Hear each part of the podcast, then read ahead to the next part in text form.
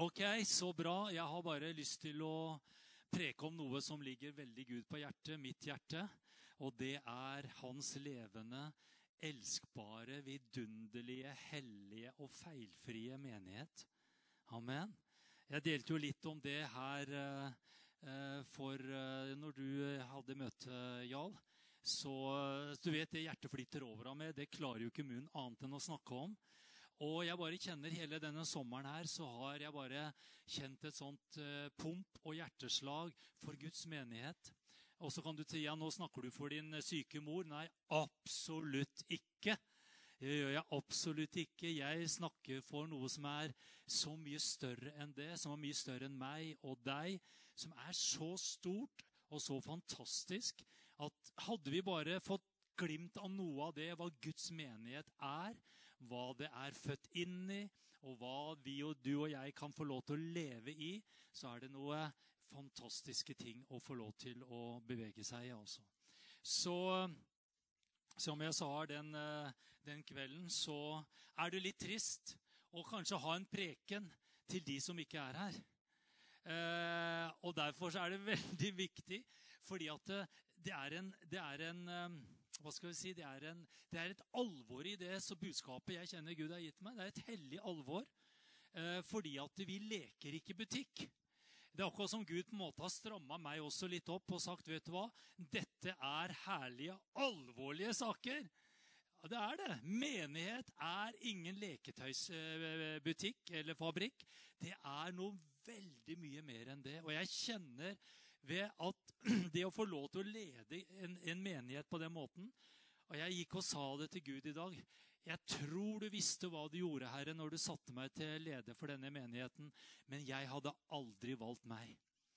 Eh, det må jeg bare si. Og det er bare ved Guds nåde hver eneste en av oss får lov til å leve og være et lem på Kristi kropp.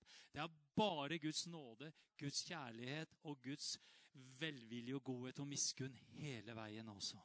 Og jeg ingenting å skryte av noen av oss. Vi får lov til å bare komme inn i en sånn fullhet av noe som Jesus allerede har gjort. Amen. Du vet at denne menigheten her hadde jeg hadde en eneste anelse om at det var jeg som skulle bygge denne menigheten, hadde jeg aldri tort å gå inn i det, for det har jeg ingen kvalifikasjoner i meg selv til å gjøre. Men det står at Jesus allerede har etablert og stadfest og bygd sin menighet allerede. Og den er allerede bygd på ham, og det er bygd på Golgata-verket en gang for alle. Amen. Og den ble født med ild og kraft på pinsefestens dag. Og den var også visse antydninger av Guds menighet i hele Gamle testamentet. Hvordan han bygde det gjennom eh, tabernakel og tempel. Og det har alltid vært en menighet gjennom alle tider. Og vet du hva? Det å være menighet, dere, det er veldig stort. Eh, menigheten er ikke først og fremst en organisasjon eller en institusjon. For det vi sier at eh, det er en institusjon som Gud har skapt, så er det sant. Men først og fremst så er vi en helt overnaturlig familie. Det er en åndelig dimensjon av det å være menighet som ikke vi kan skape menneskelig sett. Det er en overnaturlig dimensjon som er født av Gud, og som bare fungerer via det overnaturlige. Jeg har veldig tro på det å organisere, ha orden og system og alt dette der. Men du vet, uten at det er en overnaturlig dimensjon, så blir det bare en klubb og en organisasjon. Derfor er vi så avhengig av Den hellige ånd i hvert eneste åretak og pust som vi tar. Vi kan ikke drive dette fram gjennom å bare bestemme oss og ha en sterk vilje og være en uh, god, hva skal vi si, kvalifisert leder og ha rette utdannelsen og alt mulig. Ingenting er feil med det. Men det hjelper ikke hvis ikke det er noe som er født av Gud. Født i Den hellige ånd. Skapt, innåndet og blåst fra himmelen. Hvis ikke så kan vi bare Da hadde ikke jeg giddet å holde på med dette her, altså. Jeg hadde ikke orka holde på med det hvis ikke jeg trodde at det var en, dimensjon så mye større enn bare det som vi beveger oss i her. Og det er min trøst, det er min glede, det er mitt håp og det er min tro. At det Gud har født, det overvinner, og det seirer over alle ting. Derfor har jeg veldig tro på menigheten. Amen. For Jesus han har vunnet seg en fantastisk menighet i Jesu navn. Men denne prekene, eller disse prekenene vet du, det kan du være med og gi videre. Og så kan du begynne å preke til de som du tenker de trenger å høre litt mer hvor viktig menigheten er. Ikke fordi at de skal få stjerner i boka og fiske i garnet, eller få liksom huka av at de har møtt opp og, og, og liksom eh, gjort plikta si. Det er så mye mer enn det. Det er noe som skal leve i våre hjerter. Så i ferien som jeg hadde nå i sommer, så, så blei dette med menighet det skjer, jeg, jeg, jeg ble tilbake i gamle notater, og jeg ser flere ganger at når jeg er på ferie Det første jeg savner, det er geitosten. Nei, det første jeg savner, det er menigheten. Og jeg blir unnskyld uttrykket, jeg blir like overraska hver gang. For jeg tenker det er det siste jeg kommer til å savne. Helt ærlig, altså. Jeg tenkte Det er liksom min hverdag, mitt liv, min jobb. Det er liksom så mye jeg tenker er så deilig å komme litt bort. Men det er helt sant, det er helt rart. Det første som skjer, det er at jeg begynner å savne menigheten. Ikke familien, ingenting annet. Ikke geitost, ikke pultost. Det er ingenting annet enn det er Guds menighet. Og vet du hva jeg kjenner? Jeg overlever ikke uten menighet. Og jeg klarer meg ikke uten menighet, og det har aldri vært meningen at du og jeg skal klare oss uten denne vidunderlige familien som Gud har født oss inn i. Jeg syns det er bare så herlig at det er sånn. Fordi at det er ofte noen ganger du må bort fra familien for å skjønne hvor stor pris du setter på. Du vet, dere som har reist bort første gang dere reiste på skole eller militær, eller dere bare gikk bort fra familien. Når du kom tilbake Mamma, pappa Så godt å se dere. Du har vært borte i to uker. Åh, liksom, skjønner du, du får en sånn Plutselig så ser du allting helt annerledes.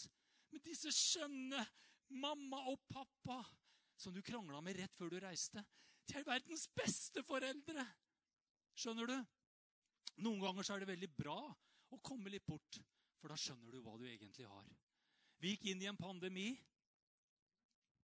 Plutselig så var alt stengt. For mange så gikk det opp et lys. Oi, menigheten er faktisk veldig viktig. Veldig viktig. Kan ikke erstattes for om det er veldig bra gjennom å ha digitale sendinger, og vi, vi, er, vi har uh, sender hverandre oppmuntringer osv. Vet du hva? Vi trenger å komme sammen som én kropp. Vi trenger det så uendelig, alle sammen. Og så kom jo dette spørsmålet her til meg for noen uker siden. eller for, ja, det Tida går fort. Kanskje noen måneder siden. eller noe sånt. Og da var det akkurat som jeg hørte Den hellige ånd sa. I hvert fall Jeg tenkte tanken. Jeg tror det var Gud som inspirerte meg hvor han sa til meg, 'Runar, hvor mange kristne mennesker kjenner du som ikke regelmessig går i en menighet, men er likevel brennende, ivrige og in fire for Jesus?' Hvor mange kjenner du, Runar, som ikke regelmessig går i en menighet, men klarer å leve brennende, engasjert og radikalt for Jesus? Og vet du hva? Jeg satte meg ordentlig godt til rette med kaffekoppen min med beina på rekkverket på verandaen. Og jeg tenkte og jeg tenkte, og jeg gikk gjennom registre etter registre etter registre etter registre. Og jeg kom ikke på en eneste person. Ikke én person kommer jeg på. Kommer du på noen? Ja, som klarer det? Du vet at noen bor på plasser hvor ikke det er mulighet til å samles. Eh, det fins eh, plasser i verden hvor det er eh, med fare for eget liv å gjøre det. Så Gud er nådig. Og Gud ser til hjertet, ikke misforstå. Men først og fremst har du og jeg en mulighet til å samles i, i familien. Så er det der hvor miraklet skjer. Og det som er så spesielt, er at når pandemien kom, så oppdaga vi, vi jo alle sammen hvor lett det var å fylle en søndag fant du hvor fort det var. Det var ikke sånn at du satt deg ned og nå er det egentlig møte. Hva skal vi finne på? Nei, nå har jeg ikke noe å finne på. Nei, nå, nei nå, hva skal vi gjøre? Hva skal vi bruke denne dagen til nå? Nei, vet du hva? Det bare, det bare kom fort, altså. Det kom veldig fort. Noen var veldig overraska hvor fort det var. Jeg er så gammel, vet du, og det er du også, Wenche. Vi hadde jo to søndagsmøter vi i gamle dager. Da var det formiddag klokka 11, og så var det eh, kveldsmøte klokka 6. Ja.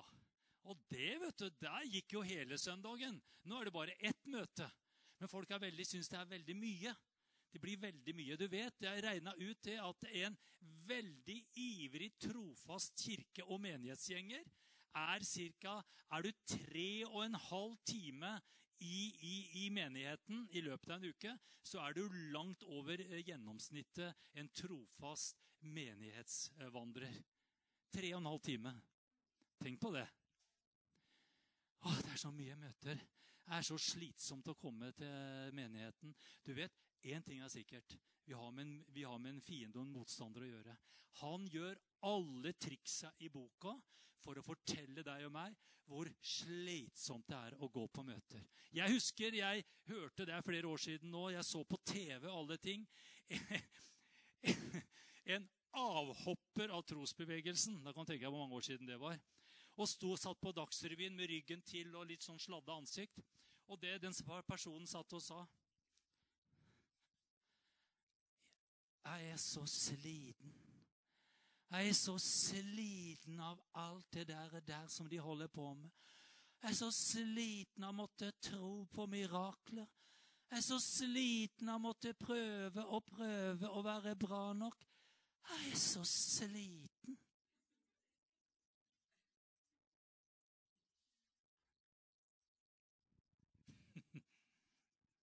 Du vet, det er sånn djevelen opererer. Virkelig. For det første så har man jo ikke skjønt det. Det er eh, Jesus som bærer oss, og ikke vi som bærer han. Amen. Det er jo så herlig bare å få på plass.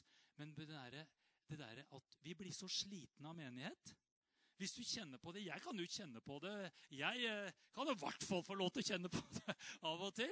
Og det, jeg gjør det. Jeg bare kjente Å, kjære Gud, nå kan ikke de bare ordne seg sjøl. Å, Jesus, nå bare gi jeg det der. For de, og nå får de ordne Det er ikke mye problemer her. også i forhold til mange Det er helt nydelig menighet å betjene, men nå kan jeg, noen kan jeg kjenne Gud. Å, Herre. Å, nå er det bare kan de ikke, Skjønner du? Du bare får den der der. Og så drar jeg på ferie, og så bare kjenner jeg Gud, jeg er desperat etter disse menneskene. Jeg er helt avhengig av å ha fellesskap med disse menneskene. Jeg trenger å komme i din menighet og få påfyll, formaning, oppmuntring, trøst, fellesskap, høre Guds ord, få nye impulser, få kurs, få rettledning og veiledning. Jeg trenger det, Gud. Amen. Det er så slitsomt. Nei, vet du hva? Det er bare en løgn ifra helvetes avgrunn. Det er når du ikke kommer, at det blir fryktelig slitsomt. Amen. Menigheten er noe vidunderlig og herlig. Så eh, var vi veldig optimistiske her i starten på pandemien. For da tenkte vi at nå merker jo folk hvor viktig menigheten er. Men så oppdaga folk hvor lett det var å fylle søndagene og andre møtedager med, med nytt innhold. Så vi som var veldig optimistiske i starten, begynte å skjønne etter hvert at eh, ja, noen hadde fått trimkarusellen til å gå opp fordi at de var og og trimma litt og svømte litt. Og så var det søndagsturen. Var plutselig ute i skog og mark, og det var veldig mye flott som skjedde. Sånn at uh, når eh, det begynte å åpne opp igjen, så, så, skjønte vi at det faktisk var litt tungt å komme tilbake til menigheten. Tro det eller ei. Det er noen som kjente det sånn, Bøker rekke opp handa, men noen opplevde at det ble litt tungt, for det var jo så deilig med alt det andre som vi kunne fylle med. Og så må, ah, så må vi tilbake til menigheten. ja. For vet du hva? Det er en motstand på det. skjønner du. Det er et trøkk på det å komme inn her. Vi kjenner det, ja, altså, vi har snakka om det vi også i lederskapet. Vi pastorene kan kjenne at eh, når vi liksom kommer på slutten av ferien, så kan vi også kjenne på at eh, vi kunne gjerne hatt en uke til. Og så kunne jeg gjerne hatt en uke til. Og så kunne jeg gjerne blitt pensjonist. ja, du kan le, du, Ragnhild. Som kan gå av som 62-åring. To år igjen. Come on. Da begynner det. Å, kjære Gud, de skal gripe fatt i deg, søster. Ja, du vil ikke sitte her og le. Det er et halvt år igjen. Tida går fort. Jesus kommer snart, dere. Det er jo så herlig. Men eh, Eh, det blei veldig lett å, å, å få erstatta dette her. Og så eh, prata jeg med en del andre pastorer og ledere, både i fjorden her, men også andre rundt i landet vårt. Eh, og så var det sånn unisont at alle konstaterte at det, det var ikke fullt så mange på møtene etter at det åpna opp etter pandemien, som det var før. Og så spurte vi oss, stilte vi spørsmålet men hvor mange er det dere savner? Og hvor mange er det dere savner? Og så blei konklusjonen vi savner egentlig ikke så veldig mange av menneskene. Det eneste vi savner, det er at de kommer ikke så regelmessig som de før gjorde. For de fant ut at det var mye annet gøy man kunne gjøre på en søndag. Så det var ikke det at menneskene ble borte, men de kom ikke så regelmessig, så vanlig som eh, de vanligvis gjorde. Og så eh, så trøsta vi hverandre med det. Nei. Men, men det, bare, det, bare, sier meg noe at eh, vet du hva? Det er så lett å komme ut av en vane, og det er så lett å få nye vaner. Det er ikke alle som er like bra. Jeg må lese fra Hebreerne 10,25. Og der står det Og la oss ikke holde oss borte fra vår egen forsamling. Som det står i en annen oversettelse, la oss ikke svikte vår egen forsamling, slik noen har for vane. Men så står det, men la oss formane. Amplified utdyper det enda litt mer. Det å formane, det er å advare, oppfordre og oppmuntre. Er ikke det bra? Advare, oppfordre og oppmuntre hverandre og det så mye mer som dere ser at dagen nærmer seg. Vet du hva? Vi skal oppfordre, vi skal også advare, men vi skal oppmuntre mennesker til å komme til Guds levende forsamling. Er det for at vi skal fylle opp benkeradene, eller for at folk skal liksom eh, krøsse av på et skjema? Nei, langt derifra. Vi kan komme sammen fordi vi er helt avhengige av det. For å leve sterke, overgitte liv så trenger vi Jesus, men vi trenger hverandre.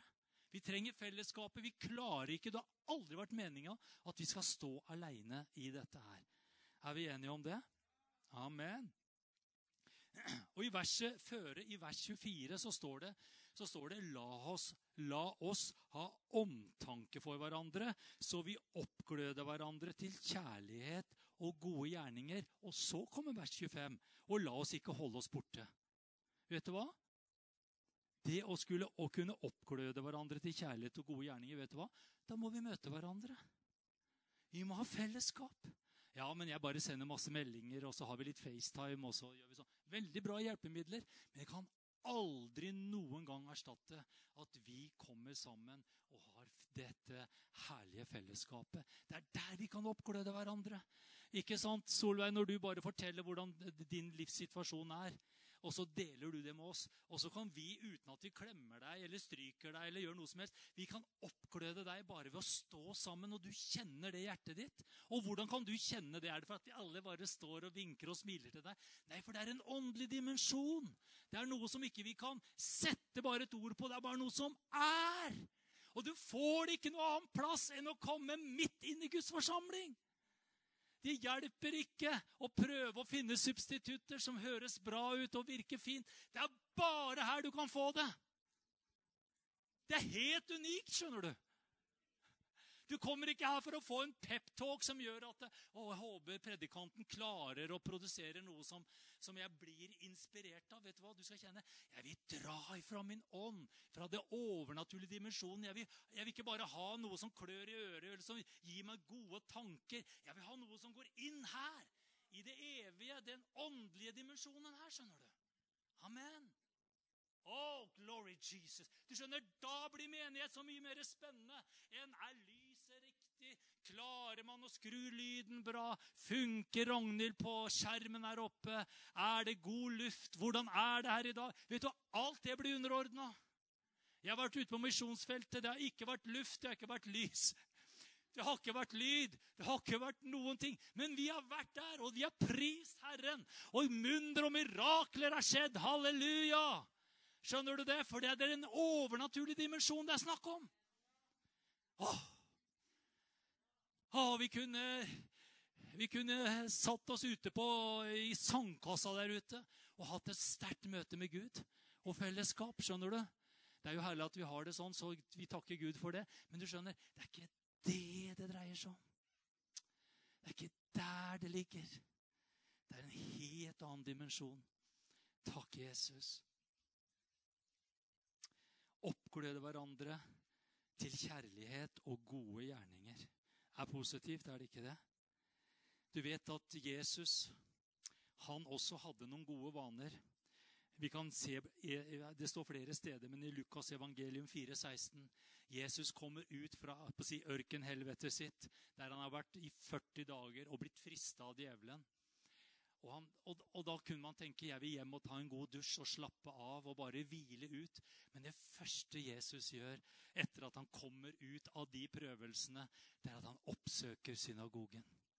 Det blir sabbat, og så står det i Lukas evangelium 4, 16. Så kom han til Nasaret, hvor han hadde vokst opp. Han kom hjem, altså. Men han gikk ikke hjem og lå med beina høyt. Det er ikke feil, det, det, er ikke feil det heller. Men så kommer det som han pleide, gikk han i synagogen på sambatsdagen, og han sto fram og leste. Det var en veldig viktig dag. Men det står Jesus, han pleide. Og i den gamle 1930-oversettelsen som jeg satt og hørte når jeg dingla med beina på første rad eller tredje rad, så var det ordet sedvane. Har du noen som har hørt det? Sedvane. Jeg syns det er et sånt herlig ord. Det er så synd at det er borte. For jeg syns det sier enda mer, altså. Ja, der står det, ja. 1930. Der står det 'efter'. Å, det er nydelig å si 'efter' òg. Da da har, du lest Aftenposten litt for mye, altså. Men, men altså, efter sin sedvane Og så måtte jeg google litt da, vet du, på, på sedvane. Og det er et fast handlingsmønster som gjentas over lengre tid. Eller et kutyme eller en skikk eller en praksis som følges over lang tid. Er ikke det herlig? Nei, jeg bare gikk av gammel vane, vet jeg på å si. Det er en god vane. Men få litt forventning og tro i den vanen der, så blir det veldig bra. Nei, jeg bare kom på møte. Ja, klokka blei det. Jeg bare kom på møte. Så bare satte jeg meg ned, og så bare Skjønner du? Nei, vet du hva? Du kommer av en god, gammel vane, sånn som du sa, eh, Liv, med forventning i hjertet. Amen. Det er noe helt annet. Det er noe helt annet, altså. Hva er det forventning gjør? Det forløser Guds mirakler og Guds nærvær. Det er hele forskjellen. Amen. Så, så, så det derre å gjøre noe regelmessig, vanlig praksis og standard, det er, det er noe veldig, veldig bra. Så Jesus hadde som skikken, som regelen, som praksisen det å gå inn i synagogen på sabbatsdagen. Og så har jeg tenkt på det, Er det noen som virkelig ikke behøvde å gå regelmessig i kirken for å føle seg allment styrka og åndelig og, og, sterk og fin, så var det vel Jesus. Han var jo i del av guddommen sjøl og, og, var Guds eh, egen sønn. Men til og med han trengte og måtte og ville og ønske å gå i menighet. Han kom til synagogen fordi han visste at der er plassen hvor jeg får mat, gir mat, deler, blir oppkløpt i kjærlighet og gode gjerninger. Jesus, Om Jesus trengte å gå regelmessig til synagogen og, og, og på sabbaten og være sammen med de troende, hvor mye mer gjør ikke vi det? Jeg kan bare si deg en ting. Det er at eh, det der, Og at du kommer trofast Vet du hva? Det holder oss på sporet, dere. For jeg kjenner, jeg er, ikke, jeg er ikke mer dum og jeg er ikke mye mer naiv enn det at hvis jeg bare tenkte at nå tar jeg pause et halvt år Jeg har sagt det før. Den gangen vi var nede på, over bilbutikken der, så kom det et herlig ektepar. og De var brennende i menigheten egentlig og sto på. Og så kom de til meg og sa og Jeg var ung og naiv, fersk pastor. Og så kom de til meg og sa Runar, vi har kjent Gud har vært på så lenge nå. Og denne menigheten er jo ikke den mest utadretta menigheten. Så Vi kjenner Gud har kalt oss nå til å gå ut og evangelisere i byen vår. Og jeg bare sa amen. Så herlig. Ja, vi har fått en stor byrde for byen. Og vi har lyst til å gå ut og gi evangeliet til en døende verden og til en døende by. Og jeg bare sa halleluja, jeg velsigner dere. Men det kommer til å ta tid. Og det kommer til å koste oss krefter. For å få timeplanen til å gå opp, så kjenner vi nå, og vi er blitt enige om det, at nå tar vi oss et halvt års pause fra menigheten. Ha, ha. Da stoppa hallelujaen. Da kom det ikke mer halleluja fra meg. Vet du hva? Det var en så god intensjon. Tanken var så flott. Den var helt genuin. Og så avslutta de med Og der hvor vi begynner, det kjenner vi, det er på de brune pubene og på diskotekene. Og for å si det litt kort og der ble de værende. Skjønner du? Det begynte så bra, endte veldig dårlig. Det ble Ekteskapet røyk. Det blei veldig mye problemer og utfordringer. Nå sier jeg ikke at, at det skjer, men vet du hva? Det er alvorlig, skjønner du. Det er et hellig alvor i det å leve som en kristen. Vi er aldri tenkt og ment å være aleine. Vi er en del av Kristi kropp. Amen. Det står ikke ett sted i Bibelen 'så sier Herren'. Jeg ser nå at du er så sliten. Du er så sliten, så sliten. Så nå skal du ta en pause. Nei, vet du hva? Da sier han, søk inn til meg. Kast deg i mine armer. Kom inn i min menighet. Vær der og få hjelp, få forbønn, få støtte og få oppmuntring. Vet du hva? Det er sånn Gud vil at hans menighet skal være. Nå skal jeg øyeblikkelig avslutte. Halleluja. Takk, Jesus. Vet du hva? Pandemien var ingen sånn uh, frikort for nå bare gjøre sin egen vilje. Det står Det var så bra Kristin preka her eh, var forrige søndag, var det ikke det? Ja. Vet du hva? Det var en sånn sterk oppmuntring i det å ta opp sitt kors hver dag og følge etter Jesus. Vet du hva det er? Det å leve menighet er å ta opp sitt kors hver dag og følge etter Jesus. Det koster noe, men det er ditt liv. Og det er bare det. Det er der livet er. Amen. Det er der du vil bli tilfredsstilt. Det er der du vil møte det som kan forandre og forvandle livet ditt og andre mennesker som du treffer på. Det er derfor vi er menighet. Ikke fordi at ikke vi, vi er så enkle og så kjedelige og vi har ikke noe annet å finne på. Nei, det har vi funnet ut. Det er veldig enkelt å finne på noe annet. Men vi kommer hit fordi at vi ønsker å være etterfølgere og disippel av Jesus. Amen.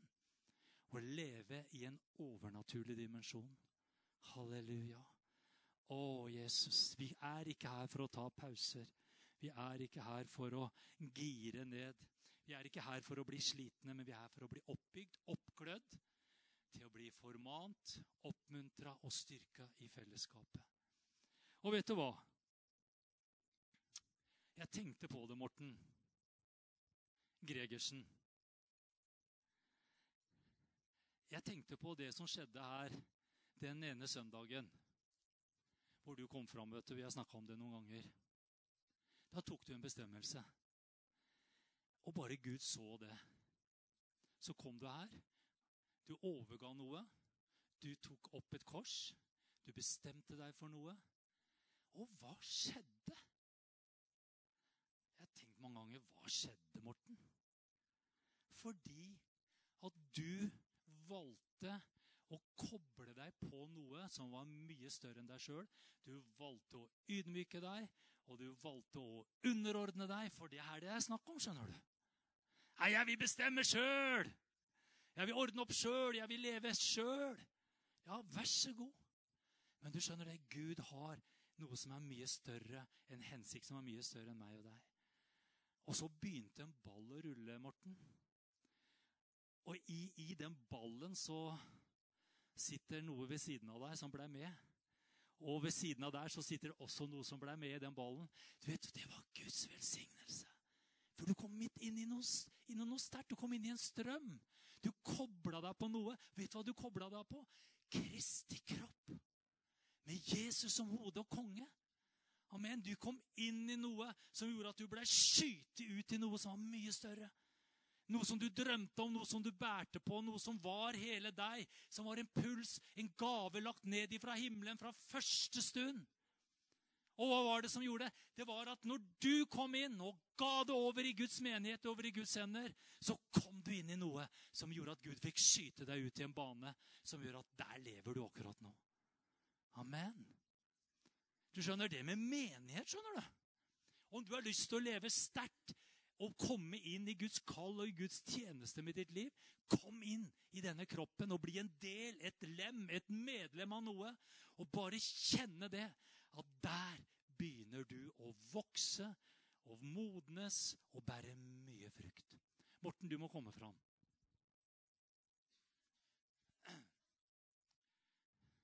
Dette her er bare et sånt nydelig eksempel på det jeg preka om i dag. altså. Se på denne nydelige håper å si, legemsdelen i Kristi kropp. er bare så herlig. Eh, og jeg tenker på at mange av de eventyrene Jeg bare snakker for meg sjøl. Altså mange eventyr jeg har fått lov til å være med på fordi jeg er en del av noe som er mye større enn meg sjøl. Mine ting. Er med i Kristi kropp.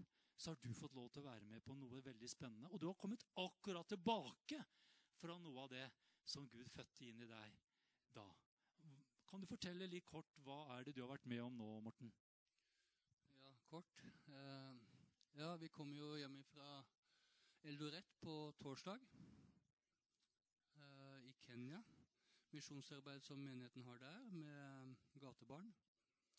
Så det har vært en fantastisk tur. Eh, den mest hektiske turen vi har vært på. Det har skjedd noe fra ja, morgen til kveld. Nesten hver dag. Eh, vi ble stoppa så vi ikke kom hjem. Vi måtte bli noen ekstra dager i Nairobi. Så ble det litt kaos. Måtte ordne nye billetter. Så det var liksom mye styr. Men vet du hva, jeg ville reist igjen uansett om jeg hadde visst hva som møtte meg med alle de tinga. For at uh, det var så fantastisk mye herlige ting som skjedde. Mange ting som falt på plass. Uh, veldig viktig uh, arbeid de gjør der nede. I dag så er det Beroham, en organisasjon som vi samarbeider med, de har i dag 250 barn inn på skole siden Talia gikk inn på Jans. Og det var det jo Jarl som ordna henne inn der nede. Jans Akademi. Eh, og Der er det litt over 100 barn, og så er det 150 barn på andre skoler. Pluss at tegninger og ting er jo godkjent nå på rehabiliteringstomta. Og det er så dyrt at det må nødt til å være gull. Eh, men vet du hva, så fantastisk. De har begynt å kjøre ut materiale på tomta der, og, og ting begynner å skje. Eh, så det er veldig spennende. Det er veldig godt å møte Det er to og et halvt år siden vi var nede for, meg og Jale. Tre år siden Sara var nede.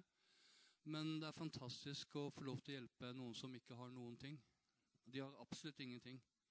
Eh, og, og det er herlig å få lov til å ta det inn i noe nytt forandre et liv. Eh, og det er veldig spennende. Eh, så hvis det er noen som er interessert i det arbeidet der, sånn, så er det bare å ta kontakt med meg og Sara. Bli med på turer. Det er uh, fantastisk. Eh, og det er um, Ja, det forvandler virkelig liv, altså. Så det har vært veldig spennende. Og Asrella var med. Så det var veldig godt å ha hele familien med. Så det, ja, det var en flott tur. Ja. Vet du hva jeg tenker på? Jeg har sagt det mange ganger før. I enden av din lydighet venter mange menneskers velsignelse. Det ble så sterkt for meg når du fortalte nå.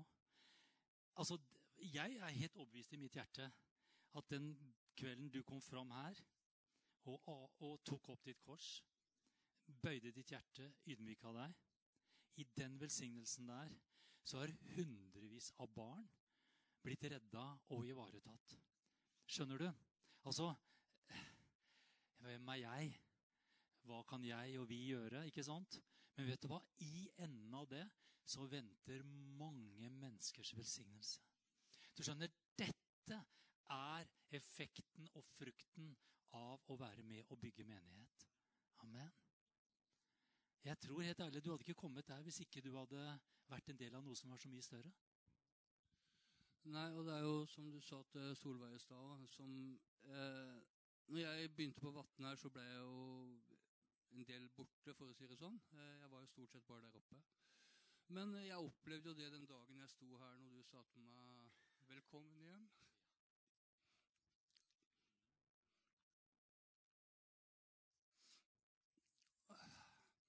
Og det var liksom som jeg ikke hadde vært borte. Og det er, eh, det er fantastisk. Fordi at eh, jeg tror også Gud gjorde noe i livet mitt da. Og, men det å på en måte komme inn da Jeg hadde vært borte mange år. Jeg jobba der oppe i mange år. Flytta ned igjen hit. Og, og, begynte da selvfølgelig her, um, i menigheten igjen. Uh, aldri meldt meg ut, da. Jeg har vært der hele tida. Men eh, da begynte jeg å gå her regelmessig, som du snakker om. Og da liksom, når Runar sa da liksom 'velkommen hjem', liksom Jeg husker det liksom Det var jo akkurat som Ja, det var jo ikke noe big deal. ja. Og det, og det, er liksom eh, de tinga. Og, det, og da seinere i 2015, jeg flytta ned til 2012, når Jarl da spurte meg om jeg ville være med til Lurett Jeg hadde jo tid, jeg jobba jo turnus, jeg jobber offshore. Tenkte jeg kan jo bli med. Jeg visste ikke hva som møtte meg. Men det er, det er herlig å kunne forandre noen menneskers liv. Eh, vi kan gjøre det der vi er, enten på jobbene våre eller ute hos naboene eller i Afrika eller hvor vi er. da. Eller vi kan være med å være faddere. da. Vi trenger jo masse faddere. Eh, jo flere faddere, jo flere barn ut av gata. Eh, så vi kan være med på der vi, Gud kaller oss. Der, men det er som du sier, vi må bare velge å gå, da. Og når jeg sa til Elijah der vi kjørte gjennom eh, byen der jeg så de gatebarna for første gangen Jeg sier til Jarl og Elijah liksom, kan vi ikke gjøre noe? Gi dem mat. Eh, og da starta jeg prosjektet med å gi dem mat en god stund da, før det ble stopp av myndighetene. Men eh, jeg ser jo nå på de tinga som skjer der nede nå, da. Det er så masse barn som får hjelp, og de er helt fantastiske, de som jobber der nede. Det er, ja, det er vanvittig. De står på 24-7. Eh, og de har familie sjøl. De det er liksom det er bånn gass. Eh, og, og, nå under eh, det var valg, så måtte jo mange av barna fra OGG de henta vi jo 34 stykker. Hadde åtte madrasser til 35 unge, for det var én der fra før av. Og så traff jo han der fra Lions. Han fikk vi kontakt med, for vi lå på hotellet vi lå på der. Og han hadde jo sagt til oss for noen år siden at når dere er liksom litt i gang, så skal vi komme med tepper og madrasser og alt. Bare si ifra. Så fikk vi kontakt. da. Så etter at vi reiste hjem, så har de vært der nede nå, og de skal også komme med mer mat og sånne ting. Så det er veldig mange herlige ting som skjer, da. Men det her var ikke kort. Men uh, det er mye herlig som skjer, da.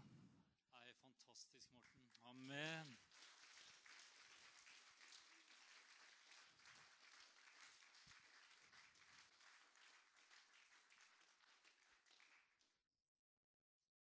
Kjære Gud. Uh. Dette er menighet, dere. Dette er familie.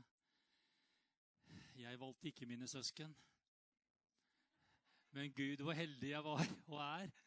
Amen. Vi velger ikke vår familie. Vi blir født inn i vår familie.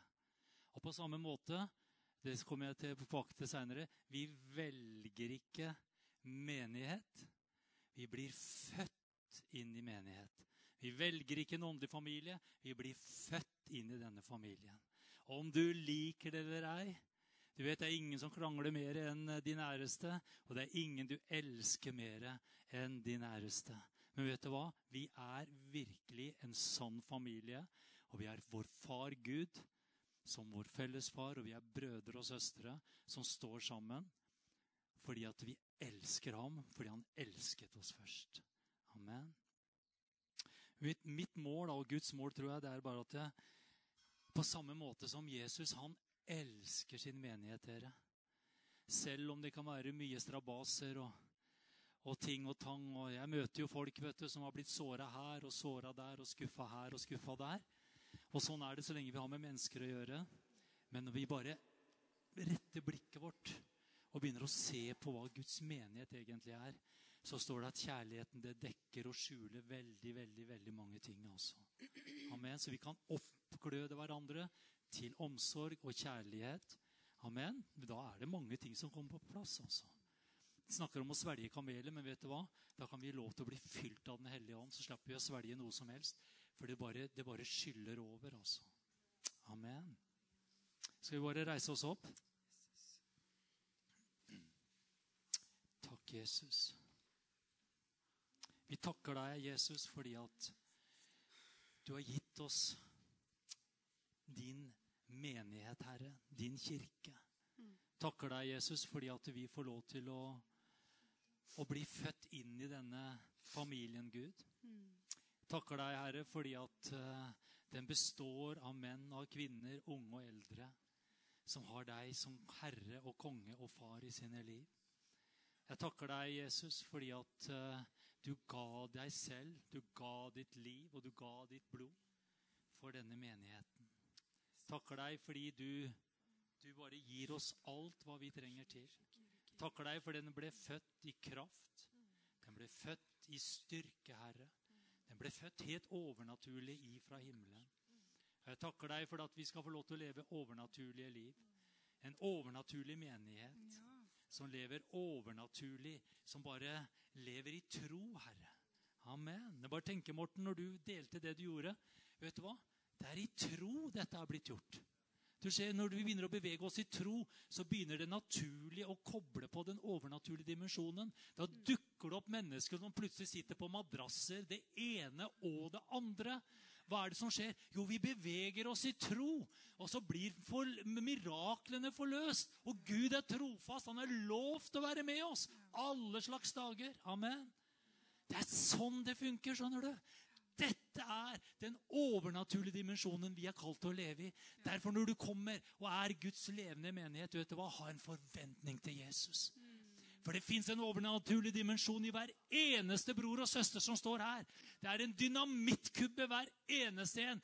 Innehar noe av himmelen deponert ned i dem. I sin ånd, som er født på ny, og som er hellig, ren og feilfri. Amen. Å, om vi kunne gå på den skattejakten der enn det å se feil og mangler og alt mulig i hverandre. Men se gullet, se Gud, se den overnaturlige dimensjonen, tjenester, velsignelse, gaver. Å, vet du hva? Da blir Guds menighet det blir en fantastisk plass å være på. Hvor vi heier på hverandre, og vi løfter hverandre i Jesu navn. Amen.